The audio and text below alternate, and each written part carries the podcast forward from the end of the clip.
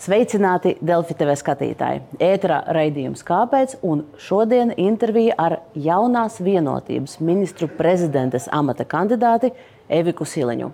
Pēc Krišjāņa Kariņa demisijas tieši viņi ir cilvēks, kas strādā pie jaunās koalīcijas. Kāda tad būs jaunā valdība un kādas ir potenciālas premjeras vājās un arī stiprās puses? Tūlīt intervija.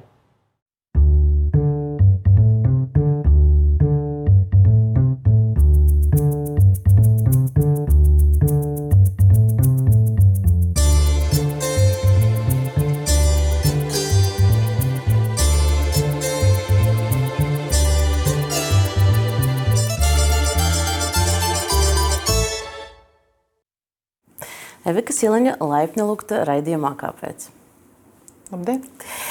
Mēs šodien runāsim gan par valdības veidošanu, gan arī par to, kādus darbus tā apņemsies paveikt, gan arī par jūsu politisko pieredzi. Un sāksim ar aktuālāko, ar to, kāda tad būs valdības koalīcija un kas tur strādās.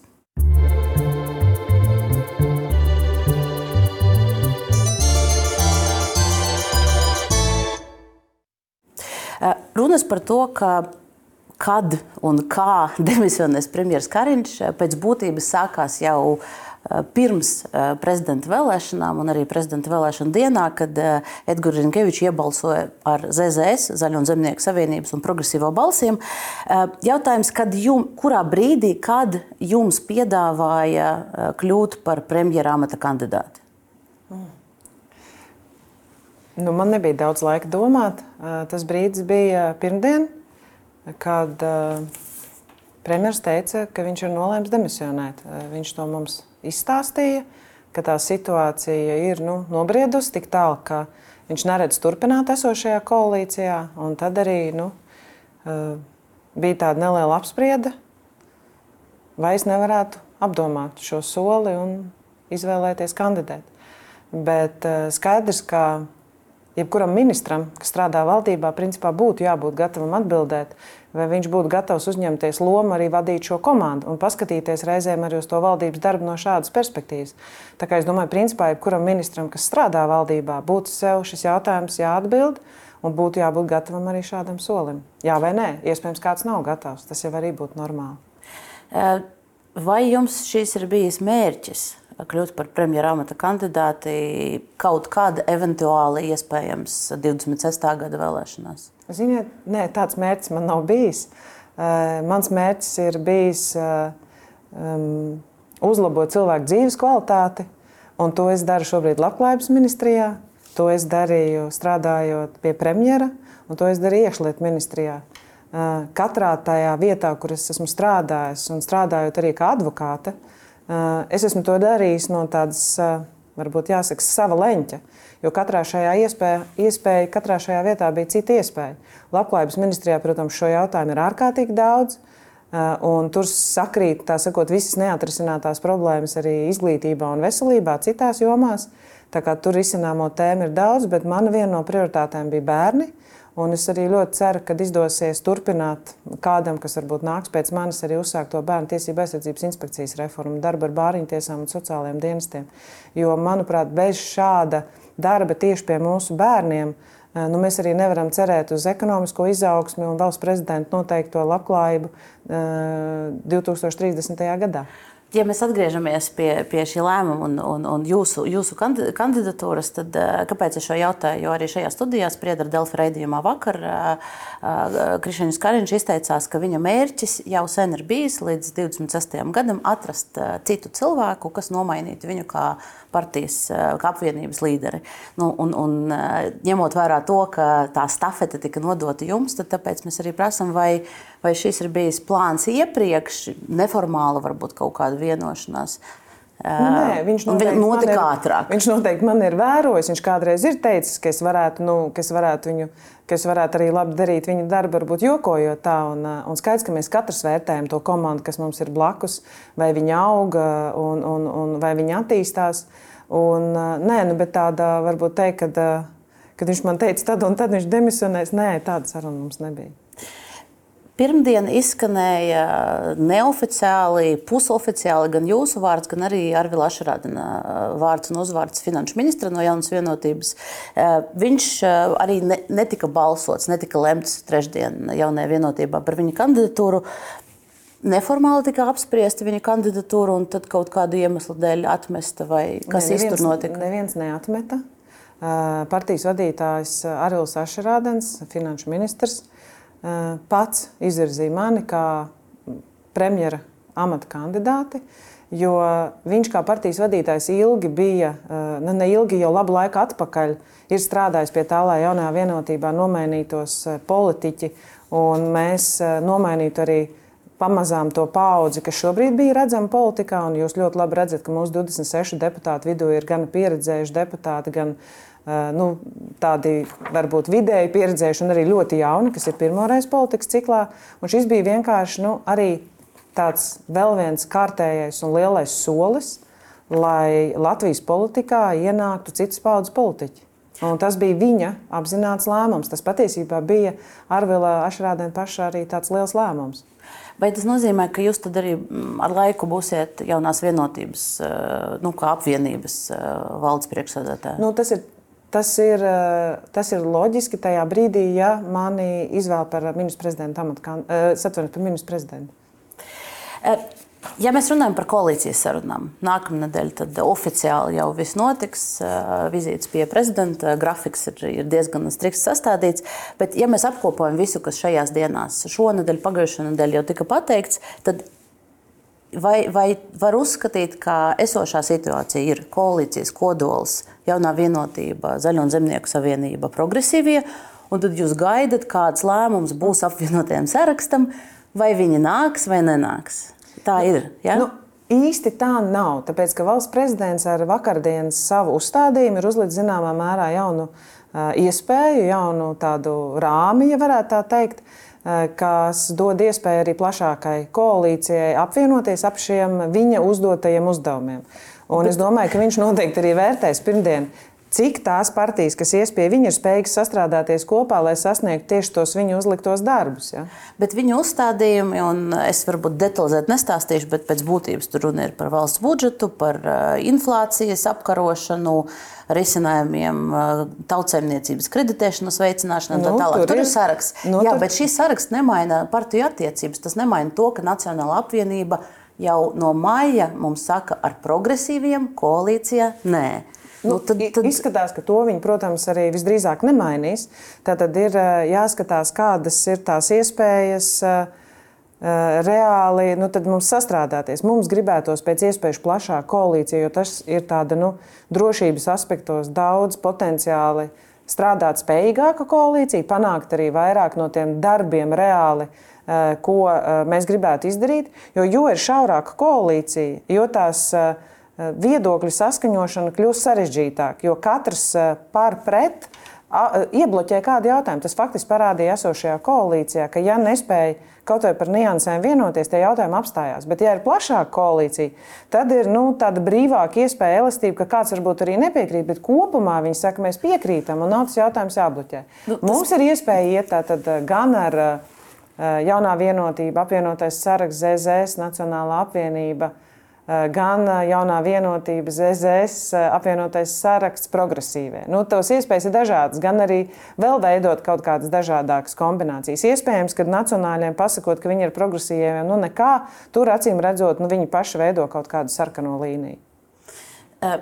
Mans, man, atvainu, mans mērķis ir ieguldīties tādā ziņā arī viņu to vajadzību sadzirdēšanā, lai viņi tomēr spētu strādāt kā komanda. Ja es redzēšu, ka tur tā komandas darbs neveidojas, nu tad noteikti, manuprāt, nav arī jēga mēģināt šīs partijas satuvināt.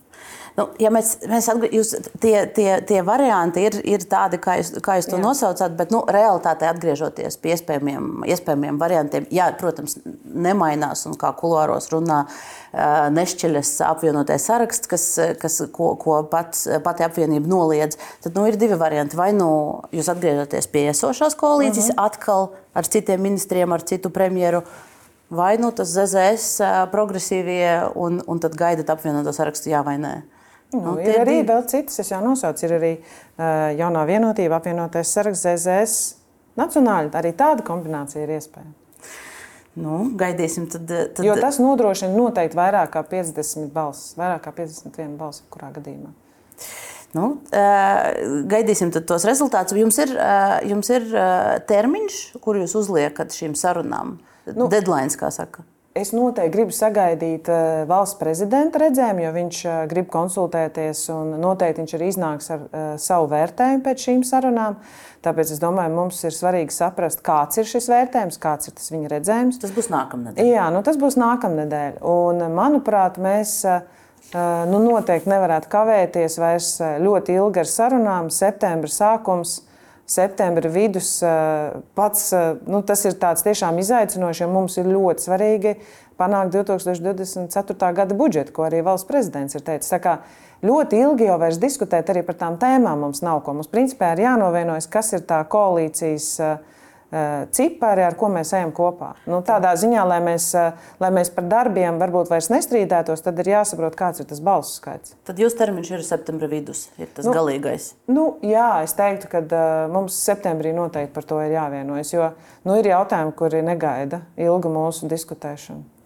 Eh, vai jūs piedāvāsiet koalīcijai pievienoties arī eh, Oligam Burovam, kurš eh, pēc šķiršanās no, no Šlesera partijas ir, ir brīvs deputāts?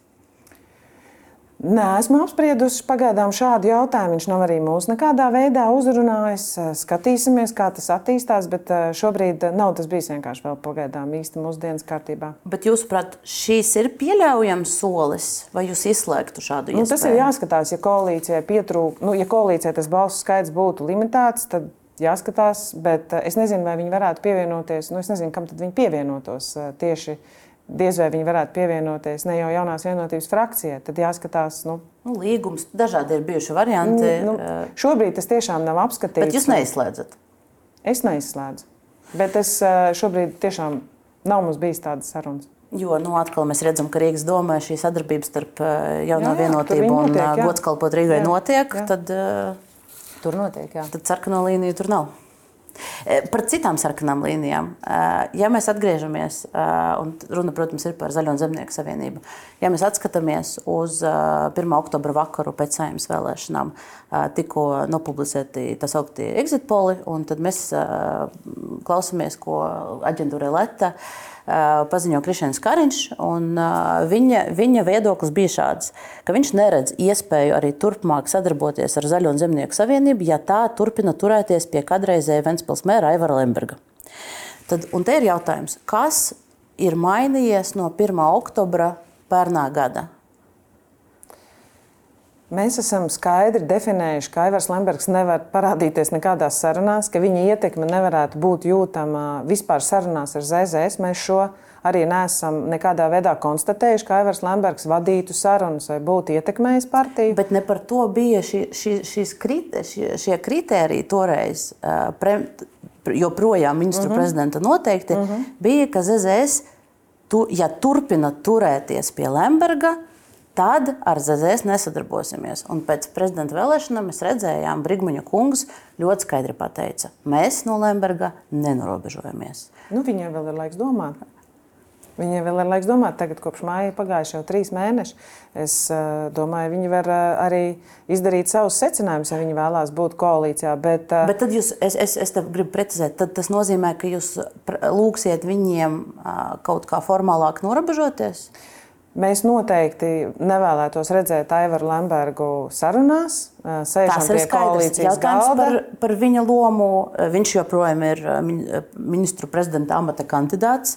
Latvija un Ventspēlī deputāti, atcerēsimies, divi ļoti izšķiroši koalīcijai. Mm -hmm. Ja, piemēram, apvienotais saraksts nepievienosies, ir saimnes frakcijā, nu tad kāda kāda būs tā rīcība, kur jūs varēsiet pateikt, jā, viņi ir norobežojušies? Es domāju, tas būs uh, gan sarežģītība, kurā gadījumā tas būs izaicinājums. Es to atzīstu. Uh, tas būs izaicinoši, jo, uh, protams, Kaivars Lembergs uh, nu, ir sankcionēta amatpersona, bet mūsu vēlme ir sadarboties ar tiem saimā ievēlētajiem deputātiem, kuri nu, gluži nav Aivara Lembergi, bet viņi pārstāv Zaļo zemnieku savienību. Un, līdz šim sadarbība ar frakcijas vadītāju Viktoru Valainu ir bijusi gana laba. Es nevarētu teikt, ka es dzirdētu, ka viņš atskaņot kādus Aivara Lemberga epitetus. Tā kā es arī ļoti ceru, ka tas, ka partija šobrīd tiek finansēta, uh, no valsts arī zināmā mērā Aivara Lemberga ietekmi samazina. Protams, tas ļoti nemaina to situāciju kopš oktobra, bet kopumā es domāju, ka kopš oktobra ir pagājis zināms laiks, lai partija vēl vairāk varētu nu, finansiāli būt neatkarīgāka.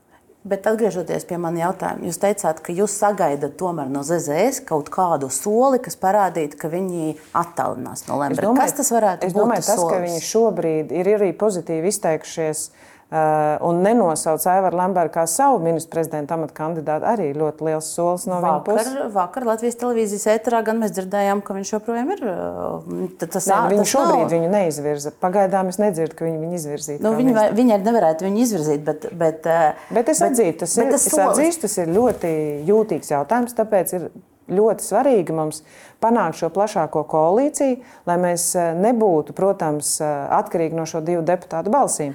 Un mana interese ir iesaistīt, protams, apvienoto sarakstu, arī Nacionālo apvienību, lai mums nebūtu nu, atkal kārtējās trīs krēslu kājas. Eh, es, es tomēr pamēģināšu, varbūt kaut kā citādāk. Konkrēto soli, kas, kas, kas parādītu, ka ZZS no Lemberga norobežojas, tad jūs, jūs nenosaucat šobrīd uh, Bet eh, vai jūs gaidat kaut ko? Jūs, jūs teicāt, ka jūs gaidat, es pareizi sapratu, ka jūs gaidat kaut kādu soli. Kā ar to informāciju, kas mums par ZZS šobrīd ir, nepietiek. Un jūs, lai iesaistītu viņus koalīcijā un piedāvātu viņiem eh, atbildības sfēras, gaidat no viņiem kaut ko vēl. Es pareizi sapratu? Vai arī nē? Es no viņiem sagaidu tiešām eh, neatkarīgu darbu no Evera Lemberga. Bet kā jūs redzēsiet, ka tas darbs ir neatkarīgs? Tas ir diskutējums jautājums. Tas ir ZZSam pašam jāizdomā, kā viņi varēs parādīt, ka viņi strādā gan neatkarīgi no Evera Lemberga. Un tas būs sabiedrībai jāvērtē arī. Tas ir jau valdības darba laikā vai, vai pirms šobrīd? Es domāju, pirms? tas ir šajā procesā. Bet, kā jau vēlreiz saku, līdzinājā ZZS darbība neliecina, ka Evers Lembergs nāktu kaut vai uz koalīcijas sarunām vai viņa frakcijas telpām. Nu, nāktu nē, bet mēs saprotam, ka neformāla ietekme, kulāru sarunas, eh, mūsdienu informācijas laikmetā neviens, eh, neviens nevar tam izsekot. Un atkal atgriežamies pie saimnes frakcijas. Divi deputāti, ja jums ir uh, gadījumā šis kodols iepriekš nosauktais jaunā vienotībā, ZZS un progresīvie, tas ir 52 balsis. Jā. Nu, pieņemsim vēl burus 53. Bet tad divi no šiem ir Latvija un Ventspēlī. Un tā ir partija, kur Lembergs ir priekšsēdētājs valdes. Viņi ir tiešā. Es to saprotu, bet saku, mans mērķis ir panākt plašāku koalīciju. Tas ir tas, kā es redzu, kā mēs varam uh, mazināt potenciālo Aivara Lemberga ietekmi valdībā. Nu, labi, uh, konkrēts atbildes tad, tad nesagaidīju, bet, bet mēs tad redzēsim, kas, kas ir tas, kā, kā šīs process uh, risināsies.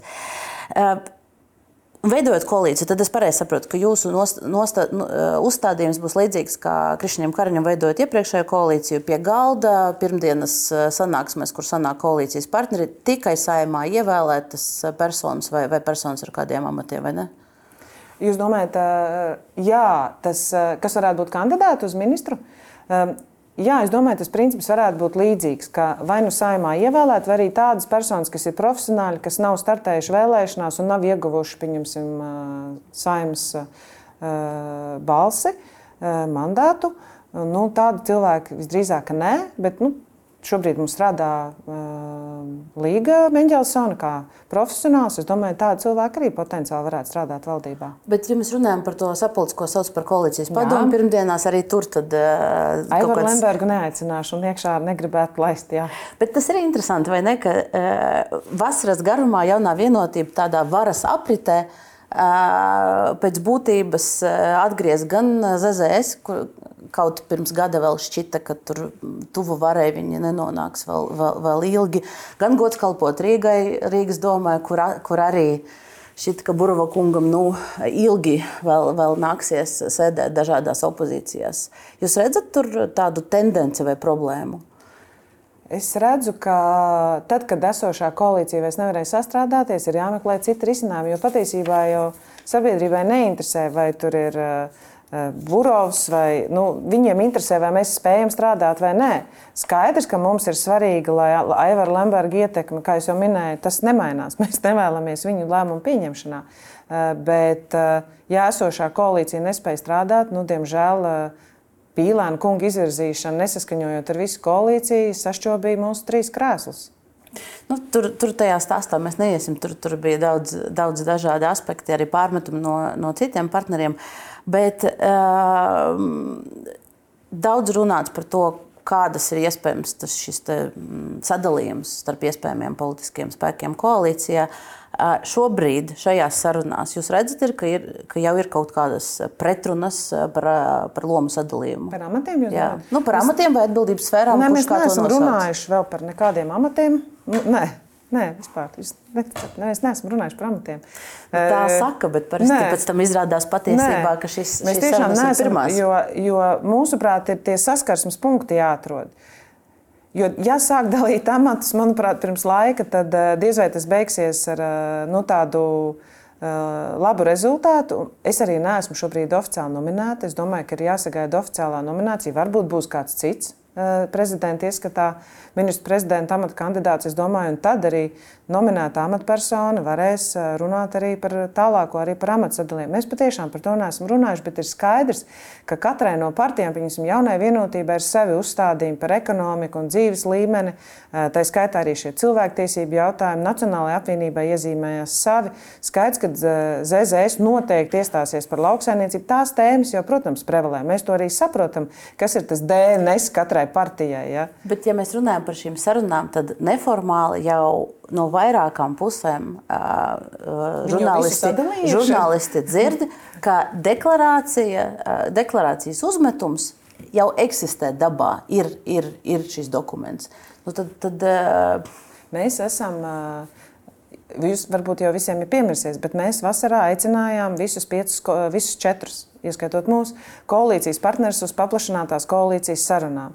Nacionāla apvienība un apvienotais saraksts neieradās, bet ieradās ZZS un progresīvie. Un, protams, šo sarunu laikā mēs arī pie, piemetām, pielikām kaut kādus darbus, ko mēs varētu e, papildināt esošo valdības deklarāciju. Tā kā šobrīd esošā valdības deklarācija principā vairs nav aktuāla, jo premjerministrs ir demisionējis, mums jebkurā gadījumā nu, ir zināmā mērā jāsāk no baltas lapas.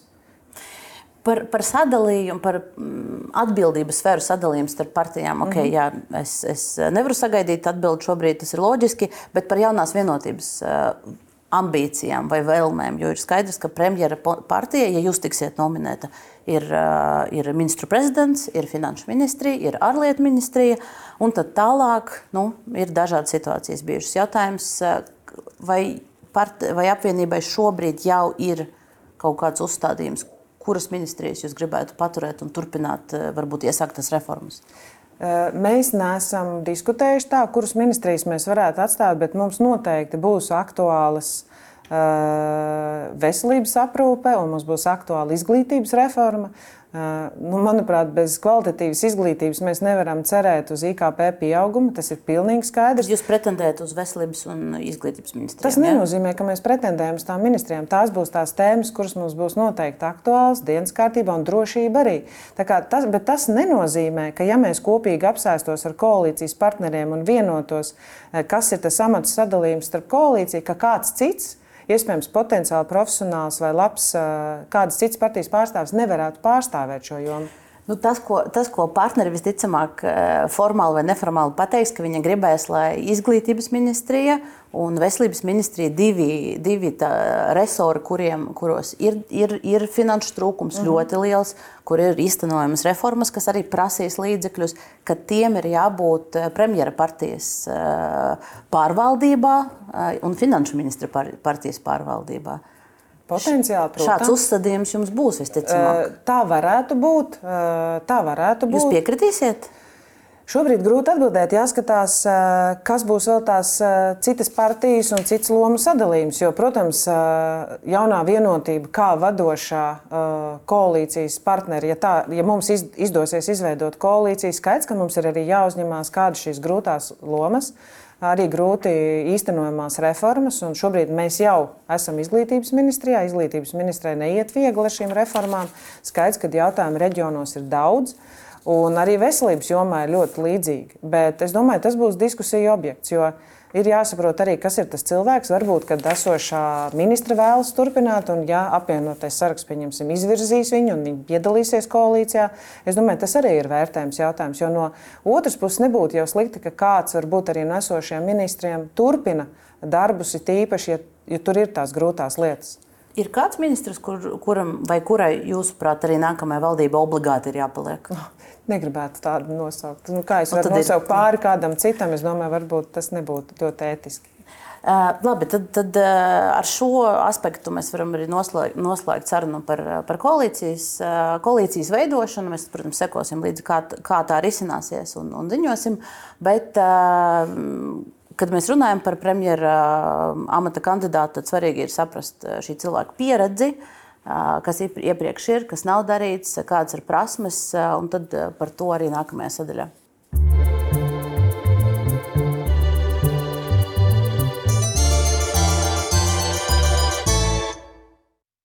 Nu, tad, ja mēs pievēršamies jūsu biogrāfijai, tad līdz. Pēdējā laikā viss tā ļoti pievēršās. Tas ir loģiski. Dažādās čautnēs individuāli praktizējuši advokāti līdz jūs aicināta vai, vai pati pieteicāties, bet gājāt kopā ar Zetlera reformu partiju 11. 10. gadā, un tad no 11. līdz 19. gadam jūs pavadījāt šo laiku iekšlietu ministrijā, gan kā padomniece, gan kā parlamentārā sekretāra.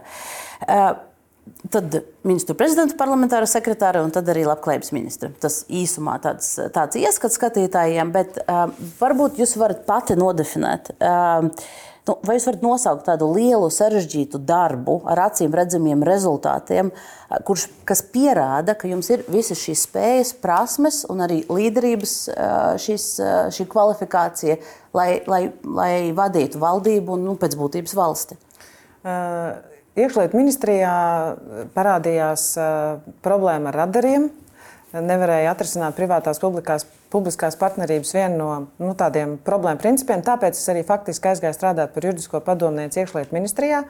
Uh, jo tas bija viens no pirmajiem projektiem, kur valstī sākās nu, privātā publiskā partnerība, un jāsaka, tā pieredze nebija liela. Es pārstāvēju, zināmā mērā, vēl nācu no privātā sektora. Man bija vieglāk runāt ar šo otru pusi. Uh, Finālā šis nu, nepareizi noslēgtais līgums izbeidzās. Un valstī, ne, valstī netika nodarīta pilnīgi nekāda zaudējuma. Tas bija viens, tāds, nu, faktiski viens no pirmajiem projektiem, kāpēc es arī sāku strādāt. Jo nu, man bija šī pieredze gan starptautiskajās attiecībās, gan privātajā biznesā. Pēc tam bija spaisu sāga. Manuprāt, mēs, mums izdevās apkarot šos spaisus tajā brīdī, kad tas viss uzsprāga. Un viena no tādām lielākām lietām bija, kad es arī kāpēc Krišāns Kariņš man uzaicināja par savu parlamentāro sekretāri, jo viens no maniem pirmajiem uzdevumiem bija naudas atmazgāšanas apkarošana, finanšu sektora kapitālais remonts. Tas ir mans uzraugāmais darbs kopā ar finanšu sektoru un finanšu izlūkošanas dienestu. Un, nu, es uzskatu, ka tas rezultāts, ko mēs panācām Monīvalā un Fatfā, un arī uh, braucot uh, uz Amerikas Savienotajām valstīm, cīnoties par mūsu valsts starptautisko reputāciju, es domāju, ka viņš mums ir izdevies. Jo tā bija ārkārtīgi sarežģīta lieta, kas prasīja ne tikai iekšpolitisku dokumentu virzību, uh, bet arī starptautisku mūsu valsts pārstāvību, lobiju uh, visās Eiropas Savienības valstīs. Mēs strādājām gan ar visām vēstniecībām, gan ar dažādu valstu pārstāvjiem, gan ar FATF, gan Monīvalā. Eh, man izdevās visu likumdošanas paketu un nomainīt Finanšu kapitāla tirgus uzraudzības eh, komisijā šo pārvaldību. Gan arī, nu, jāsaka, ir gana daudz sarosinātas lietas, arī, kas ir izmeklēšana. Un arī krimināla process, kas ir grozīts saistībā ar nelikumīgas naudas atmazgāšanu, arī tur es personīgi strādāju, var paprasīt Stukānu kungam. Bet tas, bet tas ko, ko ļoti bieži piemin sakarā ar jūsu ilgu, ilgaicīgo darbu iekšlietu ministrijā, ir austrumu robežas izbūve. Un tur ir vairāk, vairākas problēmas gan ar pašu šo procesu, gan ar kriminālu procesiem, kas, uh, kas to pavadīja un joprojām pavada šobrīd tiesā, tad ir iztiesāšanā. Un, uh, es skatītājiem varbūt īsi atgādināšu, ka 15. gadā noslēgts viens no līgumiem robežas izbūvēja austrumu Latvijas-Krievijas robežai. Un pēc dažiem gadiem tas bija apturēts, jo atklātas iespējamas nelikumības un šobrīd tiešām cilvēki tiek tiesāti. Šajā stāstā ir uh, divi aspekti. Viens, ir par, kas ir pārmests ministrijai kopumā, un viens, kas ir saistīts tieši ar jūsu vārdu. Es gribēju sakt to otro. Varbūt piebilstot, ka nu, tā galvenā problēma, kas šobrīd tiesā tiek šķetināta, ir lētāko konstrukciju izbūve un pieņemšanas nodošanas akti, kur ierakstīts ir, ir, ir dārgākas konstrukcijas, vismaz tā mediji ziņo. Uh, publiski vairāk kārt ir izskanējis, ka šī uzņēmēja, kurš, kurš ir iesaistīts šajā skandālā, īpašnieks ir jūsu dzīvesbiedra ilgadējs. Ilgadējs klients. Un jūsu dzīvesbiedrs arī nu, šo IGT uzņēmumu pārstāvēja brīdī, kad uzņēmums uzvarēja iepirkumā. 17,5 miljoni ir bijis šis iepirkums. Politiskā persona ministrijā, ģimenes saites, uzvarētais iepirkumā. Parlamentāram sekretāram nav pilnīgi nekādas ietekmes pār iepirkumiem. Tas ir pirmkārt. Parlamentārais sekretārs nestrādā ar iepirkumiem, viņiem nav piekļuvis ne dokumentiem, ne vispār man pat nav nojausmas, kas strādā, kas, kas tiek, nu, tādā ziņā mēs pat nezinām, vai, vai, vai, vai kāds varētu būt potenciālais uzvarētājs. Jā, mans vīrs. Kopš 90. gadiem ir advokāts, arī es biju advokāte, un advokātiem ir ļoti daudz un dažādi klienti.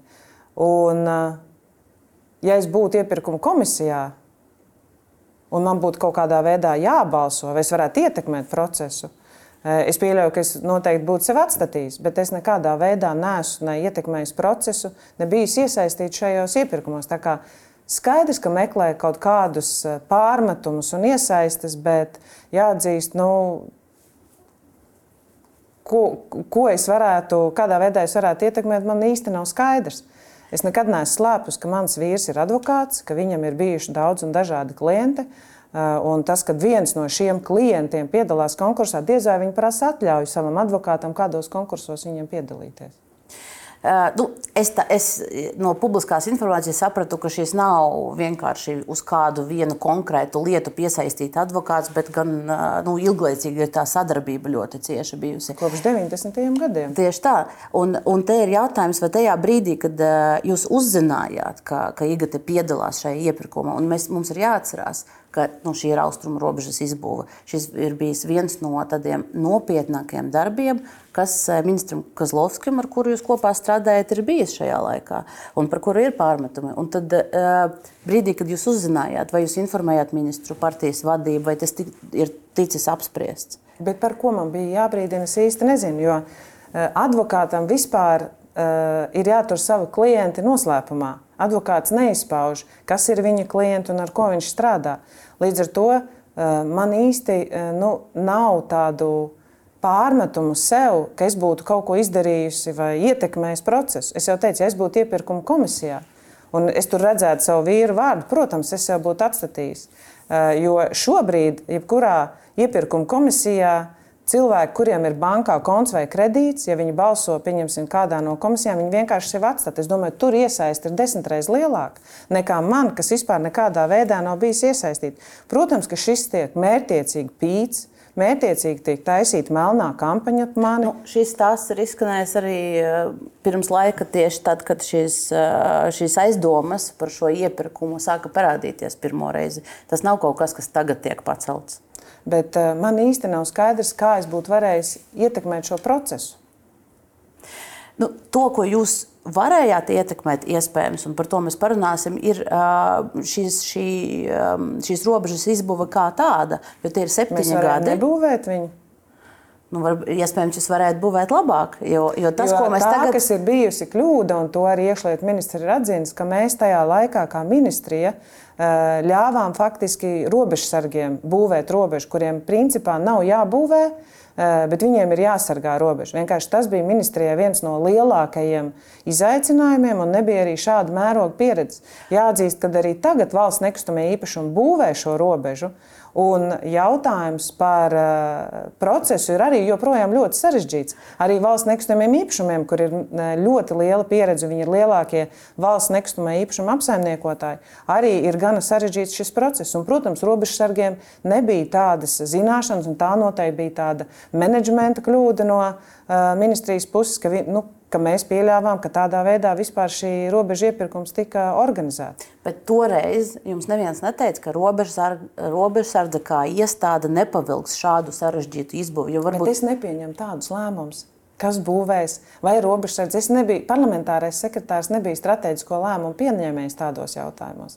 Tas ir valsts sekretārs, kas pieņem šādu veidu e, jautājumus par iepirkumiem. Un parlamentārais sekretārs nodrošina likumu varētu aizvirzīt uz saimnu. Par Par, par, par to mēs noteikti arī parunāsim. Bet, bet, eh, jā, protams, ja mēs skatāmies no procedūras, bet ja mēs skatāmies pēc būtības, objektīvi viens no lielākajiem ministrijas uzdevumiem tajā laikā. Jā, politiski, un tas, politiski un tas tajā ir, laikā, ir izgāzies. Eh, politiski tajā laikā bija bēgļu krīze.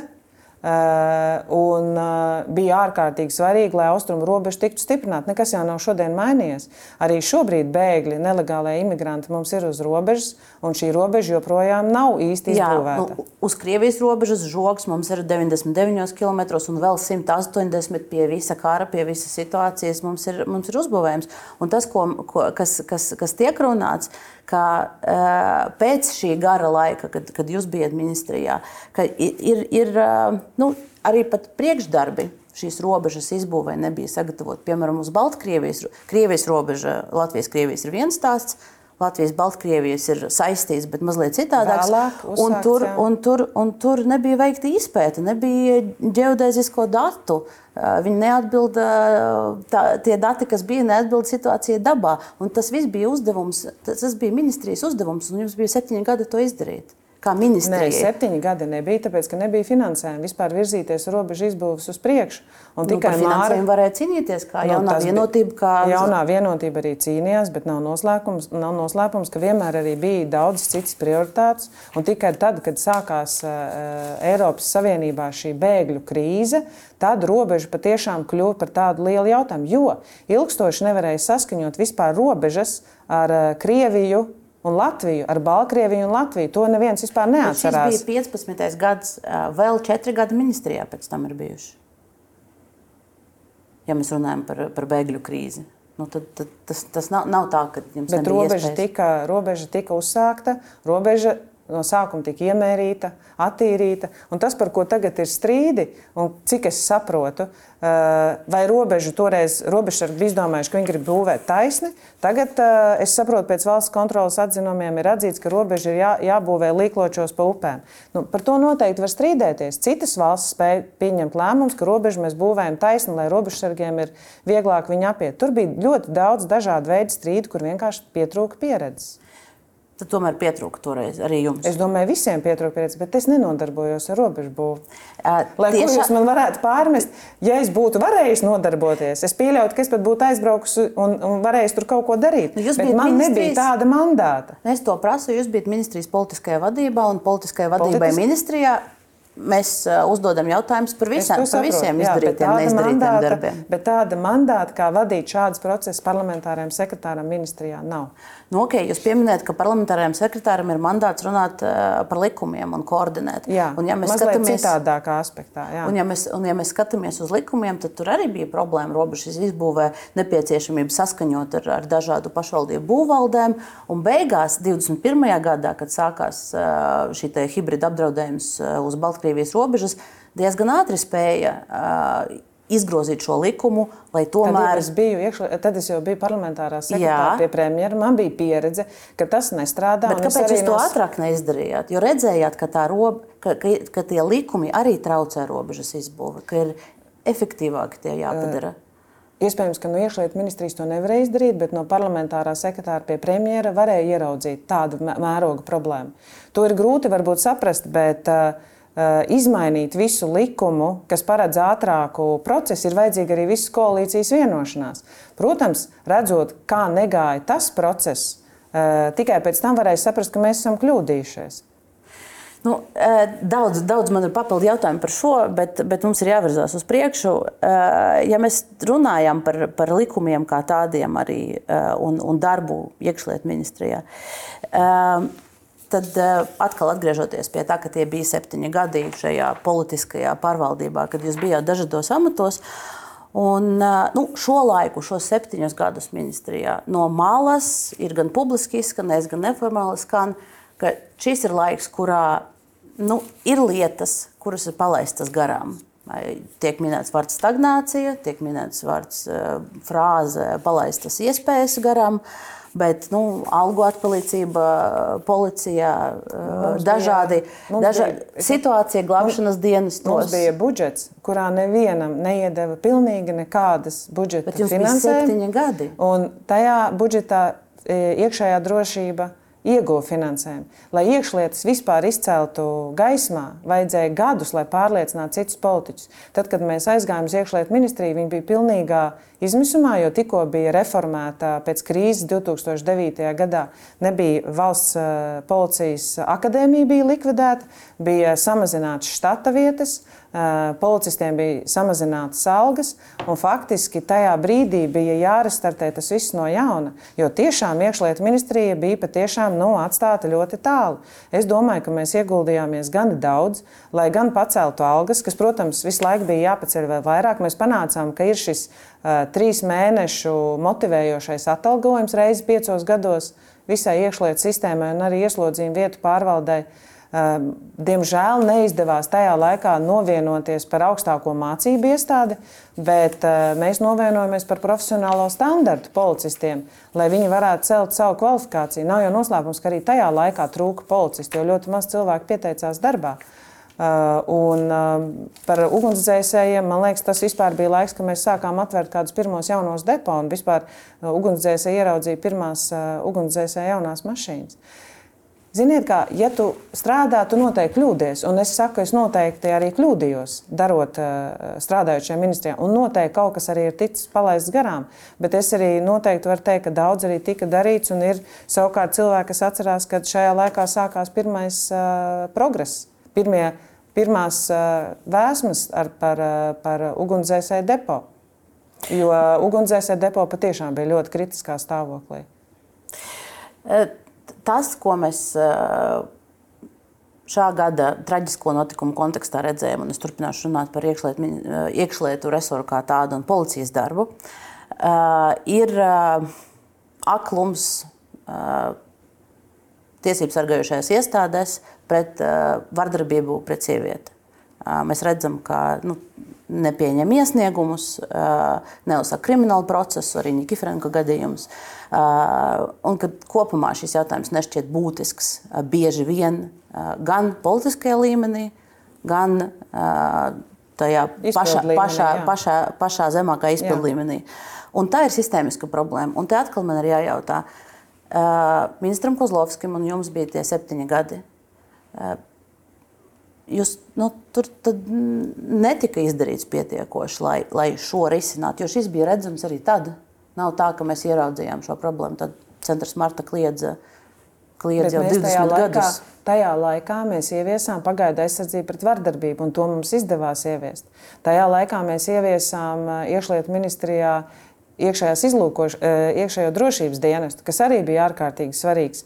Uh, un uh, tieši vardarbība pret sievietēm, tas pagaidu regulējums bija mūsu laikā ieviests. Bija, ļoti bet... smagi gāja, ļoti grūti gāja ar šo regulējumu, arī ar ieviešanu. Bet, bet tajā regulējumā, ko jūs ieviesat, un labojieties kļūdos, bet tur joprojām no upura bija nepieciešams iesniegums, un tikai 21. gadā šis arī mainījās.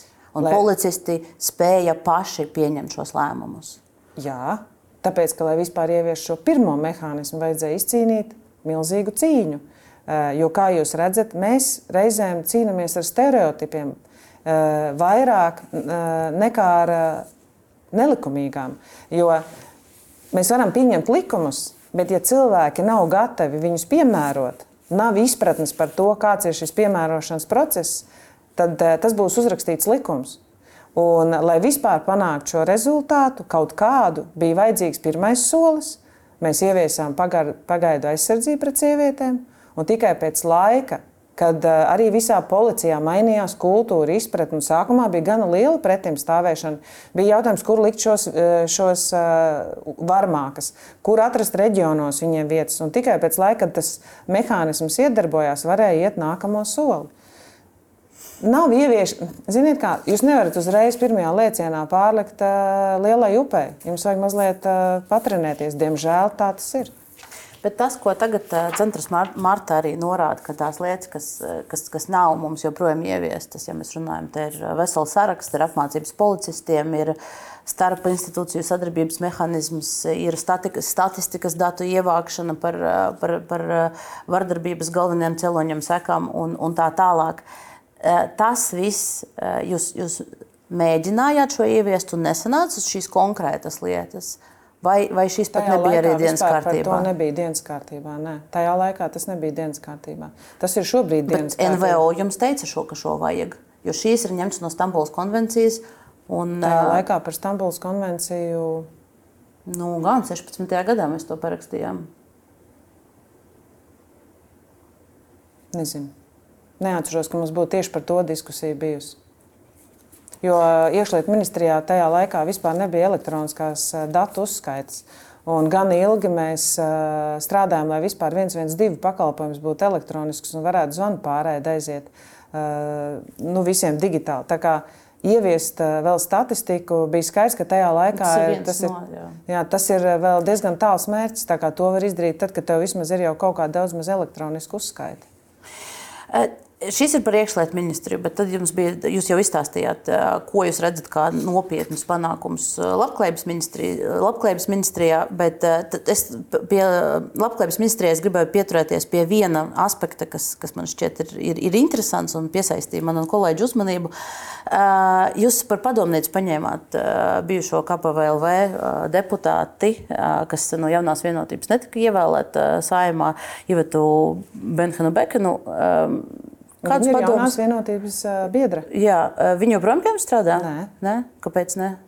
Viņi izvēlējās uh, uzsākt kaut ko privātu. Bet kādus padomus tieši viņa sniedza? Jo nu, viņai, viņa bija padomniece sabiedriskā jomā. Fantastisks PR, tehnisko, analītisko rīku pielietotājs, cilvēks, kas spēja visu norganizēt, nofilmēt, samontēt, nokomunicēt. Ko tieši viņa filmē? Visus kaut vai apsveikumu video, kas ir mani apsveikumu video samontēti, tas viss to dara viņi. Kāpēc es to prasu? Jo mēs bieži kritizējam politiķus par to, ka tie, Slikti viņi filmē. ka tie, tie politiķi, kas ir caurkrituši vēlēšanās, tad, tad tiem atrodas vietas dažādos, dažādās ministrijas padomnieku amatos. Nevienmēr mēs varam iegūt skaidrojumu, kāpēc un vai šis cilvēks tiešām ir kvalificēts. Tad ir jautājums, vai tur bija kāds konkurss un viņi, viņi uzvarēja vai, vai... Ministra padomniekiem nav konkursa. Nu, varat, varat gan. Uh, Ja mēs runājam par parlamentāru sekretāru eh, šo amatu un konkursu, jūs tiešām varat, varat rīkot, ja gribat. Tas, tas ir iespējams. Um, par jūsu parlamentāru sekretāru amatu mm, pie, pie ministru prezidenta uh, man šķiet svarīgi runāt par to politisko komunikācijas stilu. Jo tas, ko Krišņam Karaņam pārmeta uh, pirms vēlēšanām, un joprojām pirms iepriekšējām vēlēšanām debatēs, un joprojām viņam pārmet. Uh, konkurenti vai, vai sadarbības partneri, ir šis te, nu, stils komunikācijas ar sabiedrību, kur uzmanība par kādām problēmām tiek novelta uz un atbildība uz, uz ministriem. Ja ir kāda problēma, tad, tad premjerministrs izdod rezolūciju un pasaka, nu, tu, tu tur sliktais ministrs tiec galā. Uh, Mēs to novērojam, šo, šo taktiku. Arī kā žurnālisti jautājums, vai, vai nu, jūs atzīstat, ka tā taktika eksistēja, un vai jums tā būs līdzīga, jo nu, galu galā jūs tajā politiskajā komandā kopā strādājāt. Man ļoti svarīgi izveidot komandu. Man šķiet, ka mana stiprā puse ir strādāt komandā. Un, ja ir kaut kādi ļoti daudz dažādi fragmentāri Ehm, jautājumi, tad, manuprāt, man izdodas salikt galveno kopā un izvilkt no tā satura. Tā kā es domāju, ka Jebkurā gadījumā juridiskos instrumentus es arī izmantošu, jo, manuprāt, tā būs mana stiprā puse. Ja man būs tas gods tur strādāt, tās ir reizēm arī rezolūcijas. Bet man ļoti gribētos, ka mēs varētu ar ministriem vienoties par jaunu darba stilu, ka, me, ka ministri paši nu, varētu prezentēt savus jautājumus, ar ko viņi nāk uz ministru kabinetu. Jo tad arī ministri faktiski ir kā tādi satura skaitrotāji iedzīvotājiem, sabiedrībai kopumā. Un viņi vislabāk zina, kādu politiku viņi virza. Es domāju, tas varētu mainīties šajā komunikācijā, ka jūs varbūt, es ceru, ka es varēšu ar viņiem par to vienoties, ja būs tāda iespēja. Un attiecībā par to darbu, es domāju, ka mēs varētu vienoties par darbiem, kas ir tagad darāmi, un vienoties par lielo valdības rāmi, un tad katru gadu tādiem aktuālajiem jautājumiem, jo man vienmēr patīk, ka ir konkrēts uzdevums un termiņš. Tad mēs sekojam līdzi, kā tas uzdevums raitās un kā tas termiņš piepildās. Nu, tad, ver, ver, ja, ja tiksiet nominēti, tad mēs to vērosim. Man pirms turpināt sarunu ir jāatvadās no RTV skatītājiem. Tur mūsu ēters ir, ir, ir jau noslēdzies. Paldies RTV. Un, ja kāds no skatītājiem vēlas turpinā, turpinājumu redzēt vai dzirdēt šai sarunai, tad laipni lūgti vai nu Delfi TV arhīvā, vai arī mūsu podkastos, kur šīs raidījums arī ir klausāms. Uh, un, uh, pirms mēs pārējām uh, atlikušajā daļā pie nākotnes, pie darbiem, pie tā, tad, ko, ko tad prezidents no jums sagaida un ko jūs paši, ko jūs pati sagaidat no sevis kā, kā, mm, kā kandidāts, es gribēju vienu tādu jautājumu uzdot arī par jūsu pagātni vai jūsu dzīvi. Un te mēs, izskatot jūs sociālajos tīklos, ir acīm redzami, ka jums ir diezgan draudzīgas attiecības ar Inesu Šleseri. Ainara Šlesera sievu, politiķa zināma. Un, nu, es gribēju pajautāt, vai jūs saskatāt jebkādus riskus šajās attiecībās? Riskus par ko? Par Aināru Šlesera ietekmi? Es Inesu Šleseri pazīstu ļoti daudzus gadus, kopš viņa ir saimnes deputāte. Viņa ir ļoti aktīva kristiete. Es kādreiz arī organizēju tādus alfa kursus, kas ir ievads jaunajiem kristiešiem, un tā mēs iepazināmies. Un kopš, tā, kopš tiem laikiem viņi arī pazīst. Un tās mūsu kristīgās vērtības mūs arī vieno. Nu, viņi ir daļa no, no Aināša. Mēs nekad, nekad neesam dalījušas biznesu, jo, manuprāt, gan es, gan Inese, kā politiķis, abas ļoti labi saprotam, ko tas nozīmē. Vai pastāv risks, runājot par riskiem, kas man ir, man, man, man ir padomā, ir Šlesra kungs, vai viņam ir vienā otrā veidā ir iespējas izmantot informāciju par jums, šo draudzību kā tādu? Nē, nu, lai viņš ļoti labi, es domāju, ļoti labi, tas jau ir, ja tas būtu varbūt kaut kas svaigs, tad varbūt varētu kaut kā savādāk vērtēt. Nē, Tas ir pilnīgi izslēgts, jo mums katram ir pilnīgi savādāk uzskati par politiku.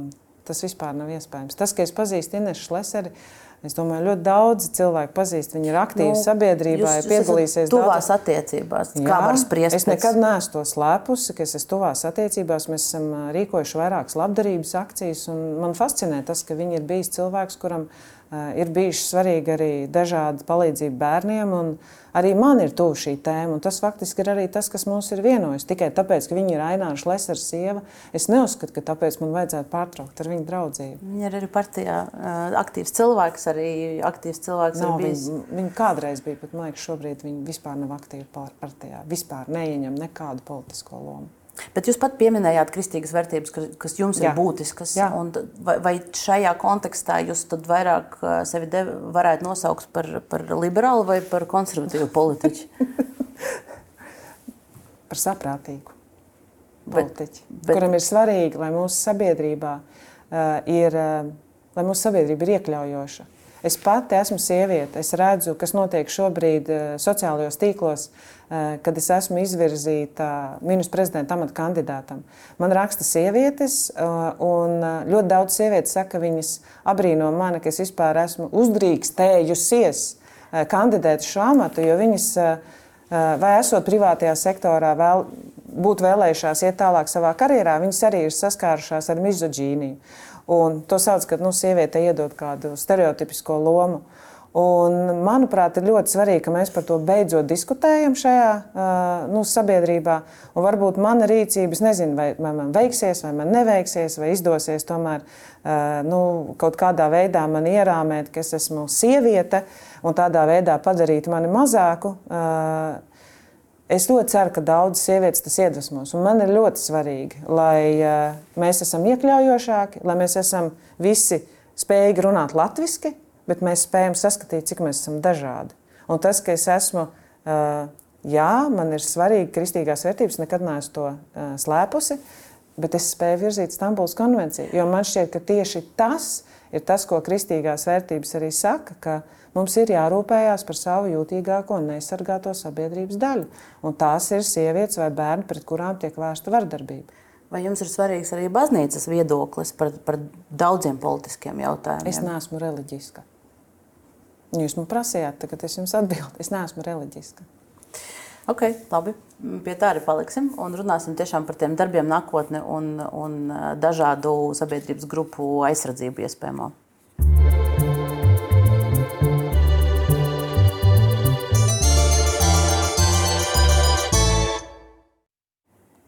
Tad šobrīd prezidents ir uzstādījis tādu darbu ietvaru, tā, kur, kur, kur, kuru jāievēro koalīcijas sarunās.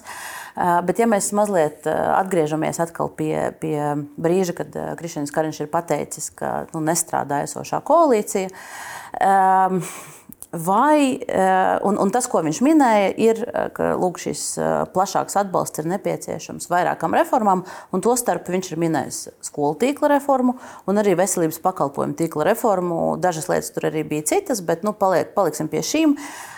Ja Zaļo un Zemnieku savienība ir potenciālais partneris koalīcijā, kā jūs arī pati teicāt, mhm. tad vai ar viņiem ir panākta vienošanās par to, ka šīs reformas viņi atbalstīs? Jo mēs zinām, ka vēsturiski Šis ir politiskais spēks ar lielu pārstāvniecību reģionos, un mēs zinām, ka skolu tīkla reforma, slimnīcu reforma eventuāli tā noved pie skolu slēgšanas, un tā noved arī pie slimnīcu tā līmeņa kaut Jā, kāda pazemināšanas. Jā, mēs esam par šo runājuši, un uh, ZZS ir teikuši, ka viņi uzskata, ka uh, izglītības reformā ir jāiesaist arī satiksmes ministrija, un uh, jārisina šie jautājumi arī kopā ar pašvaldībām, protams, jo mobilitāte ir izaicinājums. Arī Andai Čakšai eh, vērtējot, cik kilometri būtu jābrauc skolniekiem, protams, viens ir eh, cik ir kilometrāža, otrs ir laiks, kādi ir šie ceļi. Un, manuprāt, tas, ka viņi saskata, ka eh, patiesībā Viktoram Valēnam ir fundamentāli un laba pieredze lielo, lielo, lielo pilsētu asociācijas vadīšanā. Es domāju, ja viņš būtu patiesi ieinteresēts, viņš varētu arī palīdzēt šo reformu izdarīt. Jo Es domāju, tas ir nav... interesanti. Es domāju, jo... mēs redzējām, ka Lielo pilsētu asociācija nu, bija tas spēks, kas parasti pretojās šādām lietām. Nu, tas ir jautājums. Viņš toreiz pārstāvēja Lielo pilsētu asociāciju. Tātad reģions šobrīd viņš pārstāvēs uh, politiku, uh, kur no viņa prasīs rezultātu tieši veselības reformas ieviešanā. Un tas nozīmē, uh, vai izglītības atvainojas, nu, gan, gan abu reformu ieviešanā. Uh, Bet, manuprāt, tas, kas visiem ir jāsaprot, tas nav stāsts par reformu. Tas ir stāsts par to, ka mēs katrs gribam, lai mūsu bērniem būtu laba izglītība. Jo šobrīd mums nav skolotāju, un mums līdz ar to nav arī labas izglītības. Jā, to būtību, to būtību mēs esam nav, jau, nav mērķis slēgt skolas. Tas ir tas galvenais. Nav mērķis slēgt skolas. Bet, mērķis ir tos skolotājus, kas ir,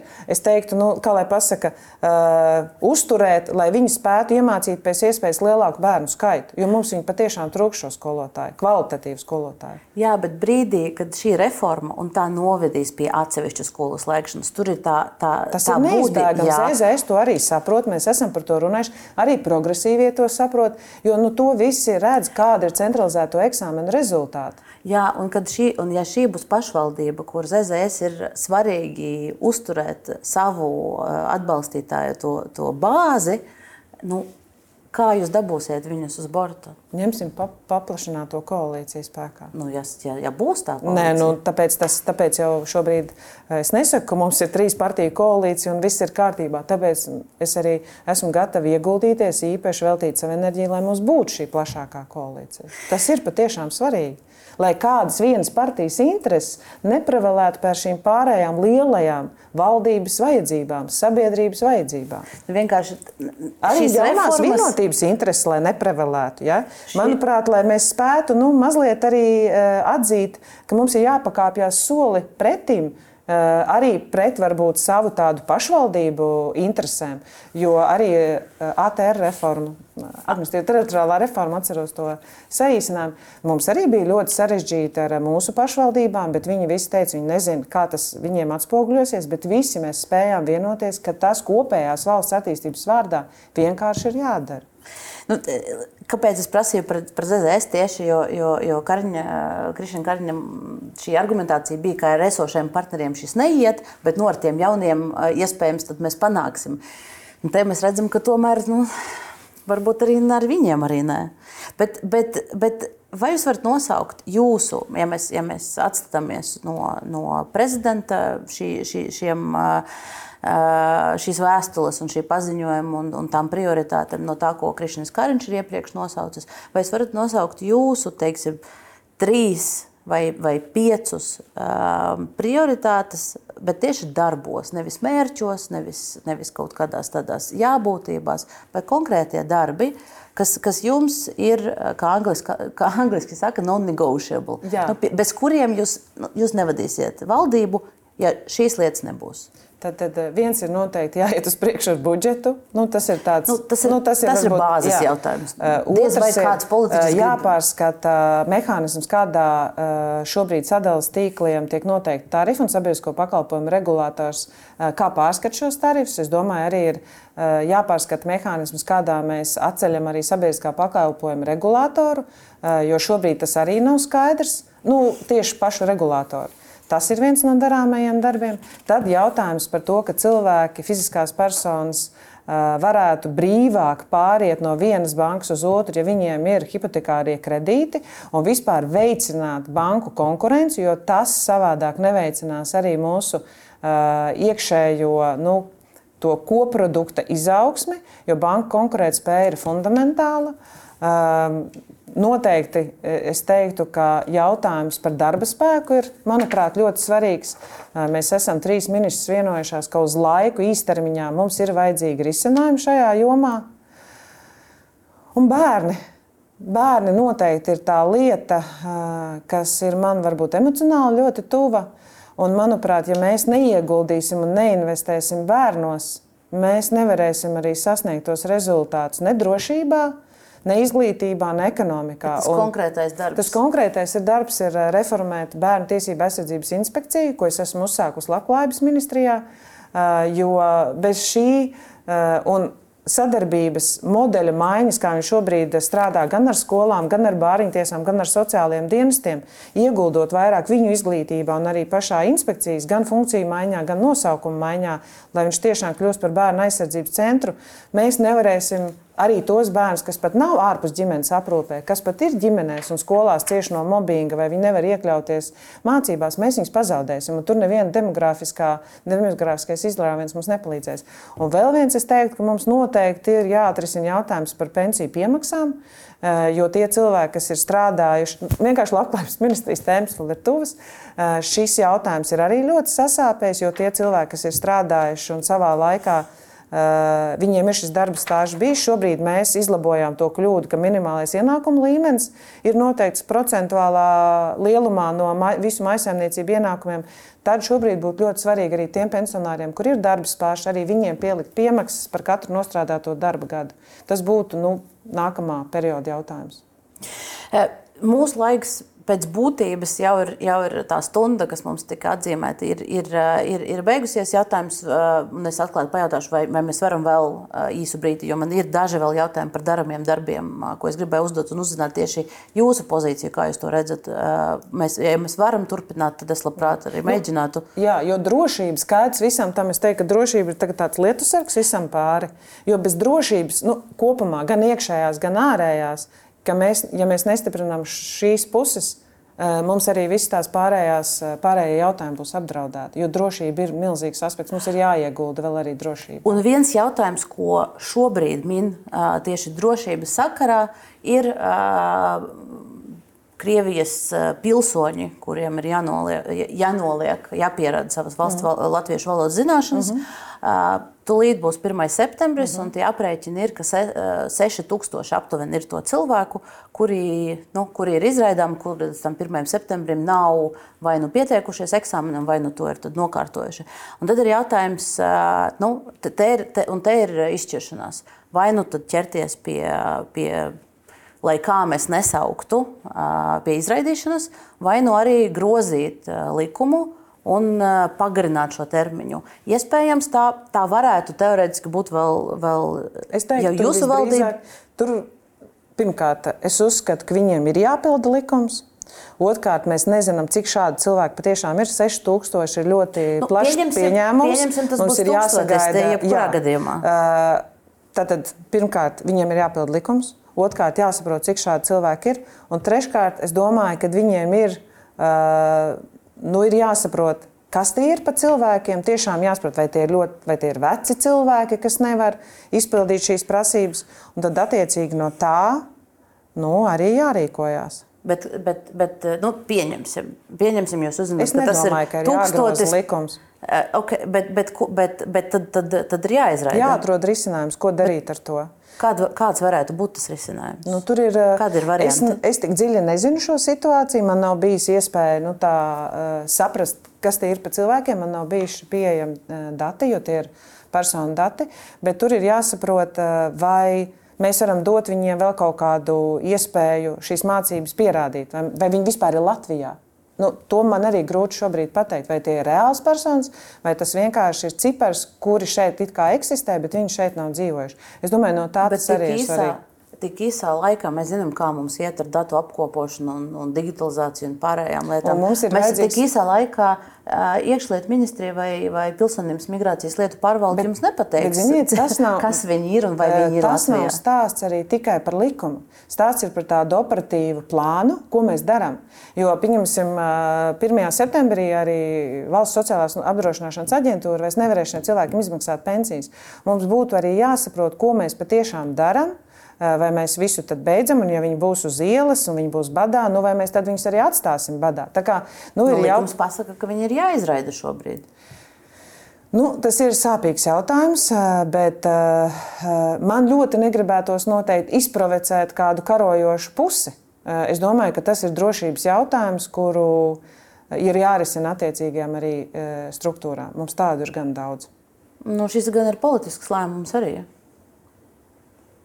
Tas Bet nav... mums ir daudz arī drošības struktūra. Man nav bijis iespēja viņiem prasīt šādu padomu. Tad, tad eh, šajā jautājumā jūs paļausieties uz, uz to, ko nu, jums... es prasīšu. Noteikti kādu padomu, jo tur ir vajadzīgs uh, risinājums. Bet es uzskatu, ka likums viņiem ir jāpild, un grozīt likumu nebūtu noteikti pareizi. Nu, likums ir jāpild jautājums, vai, vai tā izraidīšana notiks tiešām. Prasīšu tas ir drošības tas... iestādēm. Uh, kāds ir viņu redzējums, un tad pieņemsim lēmumu kopīgi, koleģiāli. Protams, arī jau ar nākamo koalīciju, jo tas arī ir būtiski. Vēl viens jautājums, kas uh, arī uh, kontekstā ar, ar, ar nākamo koalīciju ir uh, ikdienas kārtība, ir partnerattiecību regulējums un, un juridiska aizsardzība vienzimumu ģimenēm. Es nejautāšu par Stambulas konvenciju, jo nu, var noprast, ka tur pēc būtības tāda aptuvena vienošanās jau ir, uh -huh. ka, ka, šis, ka šis notiks vai ne. Uh, vairāk vai mazāk atkarīgs no tā, kāda būs koalīcija un atkarīgs no tā, ko tad deputāti, kas būs pozīcijā un opozīcijā. Uh, bet partnerattiecību regulējums tur gan tā skaidrība ir, ir daudz mazāka. Un te ir jautājums, vai jums ir mērķis, vai tas ir jūsu kā premjeras potenciālais mērķis uh, šo iekļaut uh, nākamās valdības deklarācijā? Es domāju, ka tas ir jautājums, ko, kas prasa skaidrību un regulējumu. Jo šobrīd tiesas pašas veido likumu, viņas pašas veido bāzi, pēc kura dzīvo mūsu cilvēki. Faktiski viņas pašas reģistrē laulības vai dibina laulības. Un, manuprāt, tas būtu politiķiem regulējums jautājums. Mums būtu jāvienojas, kas tad ir tas rāmis, kā mēs redzam šīs personas, kas tad ir viņu attiecības. Mums visur, visā tajā koalīcijas vairāk vai mazāk iezīmētajā konsensusā ir skaidrs, ka par laulībām mēs nerunājam, bet par regulējumu mēs varētu vienoties. Tad, bet deklarāciju jūs gribat šo iekļaut? Es domāju, jā, tas ir viens no cilvēktiesību jautājumiem, bet tādā, jā. Jūs, jūs minējāt, ka par laulību mēs nerunājam. Tas nozīmē, ka civil likumu jūsuprāt nav jāmaina. Un civil likumā es atgādināšu, ir, ir, ir tāda frāze, ka aizliegta ir laulība starp viena dzimuma personām. Tas ir satver... à, nu, jā, satver, satver, par satversmi tur sāk parādīties aizvien jaunas interpretācijas, kā, kā ir iespējams saprast šo, šo, šo pantu arī tur. Bet nu, tas, ko partijas daži saka, ka grib grozīt tieši civil likumu, jūsu, person, jūsu kā politiķis, no, jūsu viedoklis kā politiķis, būtu jāgroza civillikums, būtu jāpanāk tieši laulības šī vienlīdzība? Es domāju, ka mums ir jāpanāk normāla šo attiecību reģistrācija. Vai tās ir laulības, vai tas ir vienkārši reģistrācija. Es domāju, tas nav būtiski, ja mēs varētu kaut vai šo vienu soli veikt, tas būtu daudz, jo mums arī jāņem vērā mūsu sabiedrības gatavība šādam jautājumam. Es nezinu, vai mūsu sabiedrība šobrīd ir gatava tieši laulībām, bet tas, ka būtu jāpanāk attiecību reģistrācija, manuprāt, tas būtu gana labi. Nu, Satversmes tiesa bijusi priekšsēdētāja gan saka, ka sabiedrības aizspriedumi nevar būt pamats kaut kādas grupas tiesību ierobežošanai. Viņai, ir, viņai nav vēlētāja kri, kri, kritika. Bet, bet, bet te ir jārunā, ok, tad ir jāpanāk. Nē, nu noteikti ir jāpanāk šis cilvēktiesību jautājuma regulējums, jo tas nav normāli, ka cilvēki, kas dzīvo kopā, ir spiesti braukt kaut kur citur. Viņi tur sareģistrējās Eiropā, viņi atbrauc uz Latviju viņi neskaitās pāris. Manuprāt, tas nav vienkārši adekvāti 2023. gadā. Bet tas, ko šobrīd, kas, kas iepriekš ir izskanējis, ko gatavo Tieslietu ministrija, ir tā sauktā pakotne. Jā, jā. tie ir atsevišķi dažādi jā, likumi, jā. bet joprojām nav runas par to, ka ir kāds. Uh, nu, teiksim, tā status, jo, jo lai, tāpēc, lai nodrošinātu tiesības. Tāpēc, ka tā bija šīs koalīcijas vienošanās, ka nav viena likuma, bet ir atsevišķa pakotne. Tāpēc arī Tieslietu ministrija jaunajā, gatavo, nu, jaunajā mums, mums vēl ir jāvienojas. Mums jau šobrīd nav gatava nekāda vienošanās. Bet jūs gribētu šo statusu panākt, lai ir šīs, šīs status. Es paļautos tad... noteikti arī uz Tieslietu ministras kompetenci šajā jautājumā. Kas ne, ir jautājums, tas? Jautājums ir par politisko vienošanos. Jūs jau pat teicāt, ka Tieslietu ministrija gatavo var, likumus saskaņā ar politisko. Iepriekšējā saimā bija partnerattiecību reģistrācijas likums. Tas varētu būt, pieņemsim, kaut kas tam līdzīgs. Tam līdzīgs. Jā. Un tad jūs gaidīsiet no partneriem piekrišanu šādai, Nē, šādai nu, lietai? Es labprāt to piedāvātu. Jā. Bet skaidrs, ka līdz šim mēs esam koalīcijā bijuši vairāk ar Nacionālo apvienību, kas nekad tam nav piekrituši. Mēs atradām tādu konsensusu, ka tādu pakotni nu, mēs varētu virzīt, un tas būtu adekvāti. Tagad jūs meklēsiet jaunu. Tagad es meklēšu mazliet tālāk ceļu. Nu, sekosim arī tam, bet noslēgumā par budžetu, kā jau arī pats mm, prezidents minēja, un jūs minējāt, ka šis ir šī lieta, kur nedrīkst iekavēt.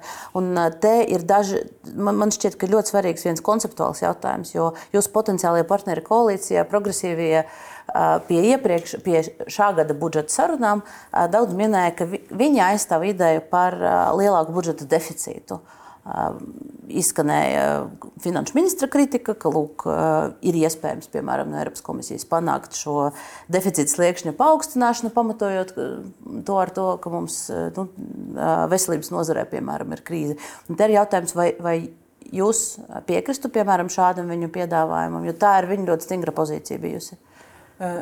Es uzreiz nepiekrītu šādam viņa piedāvājumam, jo mums ir fiskālās disciplīnas likums, un mēs vienmēr esam centušies to ievērot. Protams, ir svarīgi arī saprast, cik liels šis mums jau tagad ir deficīts. Un ļoti pārsniegt šo deficītu, es domāju, tas nav mūsu pašmērķis. Jo arī šobrīd aizņemšanās, kas mums iepriekš bija ļoti izdevīga, ir kļuvusi stipri dārgāka. Tāpēc es domāju, mēs esam ar progresīviem par šo arī diskutējuši. Viņi vairs nav tik cietās pozīcijās par to, kā viņi bija iepriekš. Es domāju, viņi arī ir iepazinušies ar saimas darbu un skaidrs, ka esot opozīcijas partijā. Nu, viņi varbūt uh, savus viedokļus pauž savādāk, bet arī šobrīd ir vērojama arī viņu tāda izpratne. Bet es domāju, ka uh, jebkurā gadījumā vienmēr pie budžeta tiek deficēts, cik lielu deficītu mēs varam atļauties. Un, uh, nu, tas noteikti būtu diskutējamais jautājums. Es viennozīmīgi uzreiz tam nepiekrīstu. Un pēdējā lieta, pēdējais jautājums ir š, iepriekšējā apkuras sezonā mēs visi pieredzējām šīs augstas energoresursu cenas, un mēs redzējām, kā valsts bija šīs glābšanas, rēķinu glābšanas kampaņas un, un valsts atbalsts. Jautājums, vai jaunajā, jaunajā sezonā jūs, jūs plānojat arī šo praksi turpināt? Mums jaunā klimata un enerģētikas ministrija šobrīd strādā pie bāzes, lai papildinātu esošo aizsargāto lietotāju loku un, un apjomu. Es domāju, ka tas varētu būt tas mehānisms, ko mēs varētu pielietot šajā ziņā. Bet labāk būtu pārskatīt tarifus, jo, manuprāt, Atbalstīt ar pabalstiem tas ir galīgais mehānisms, un tas nav ilgtermiņa mehānisms. Mums, mums ir vajadzīgs normāls tarifu plānošanas rīks, jo es uzskatu, ka tas, ka šobrīd tarifi pārskatīti tiek tik reti, tas nav adekvāti. Es prasītu tarifus pārskatīt ātrāk. Es domāju, tas būtu arī iespējams līdz ar to samazināt rēķinus. Bet šobrīd ir mājsaimniecības mājokļu pabalsts, ko cilvēki var izmantot, ja viņi nevar samaksāt rēķinus. Mēs to esam palielinājuši 300. 27 attiecīgi tur no koeficientiem. Nu, ne visi cilvēki, kuriem ir problēma apmaksāt rēķinus, kvalificējas šim pabalstam. Bet, kā jau teicu, mans viens no, viens no tādiem pirmajiem darbiem būtu šis sadalījuma tīkla jautājums. Jo es uzskatu, ka nu, šis, šis nav vienīgais. Tie nav tie tarifi. Mums ir apkure, mums ir, mums ir citas. Tur mēs saņēmām daudz iedzīvotāju, visi, un arī uzņēmumi saņēma atlaides līdzfinansējumu no valsts jautājums, vai šogad Šobrīd tam arī jāturpinās? Es, es nevaru atbildēt, vai jāturpinās tādā pašā veidā, jo elektrības cenas tomēr nav tik liels. Un tas būtu jautājums, kāpēc, jo šobrīd pacēlās tieši tas sadalījuma tīkla cenas daļa, un es domāju, būtu jāpievēršās tieši šim. Paldies! Uh, šis arī bija tas pēdējais jautājums, kā es solīju. Paldies, ka arī uzkavējāties ilgāk nekā sakotnē mēs runājām uh, iepriekš. Uh, paldies skatītājiem! Mēs noteikti turpināsim sekot līdzi valdības veidošanas stāstam un tiem solījumiem un, un arī plāniem, kādu tad politiskajām partijām ir mūsu valsts pārvaldīšanā. Paldies, Silņas kundze, un paldies skatītāji! Tiekamies pēc nedēļas!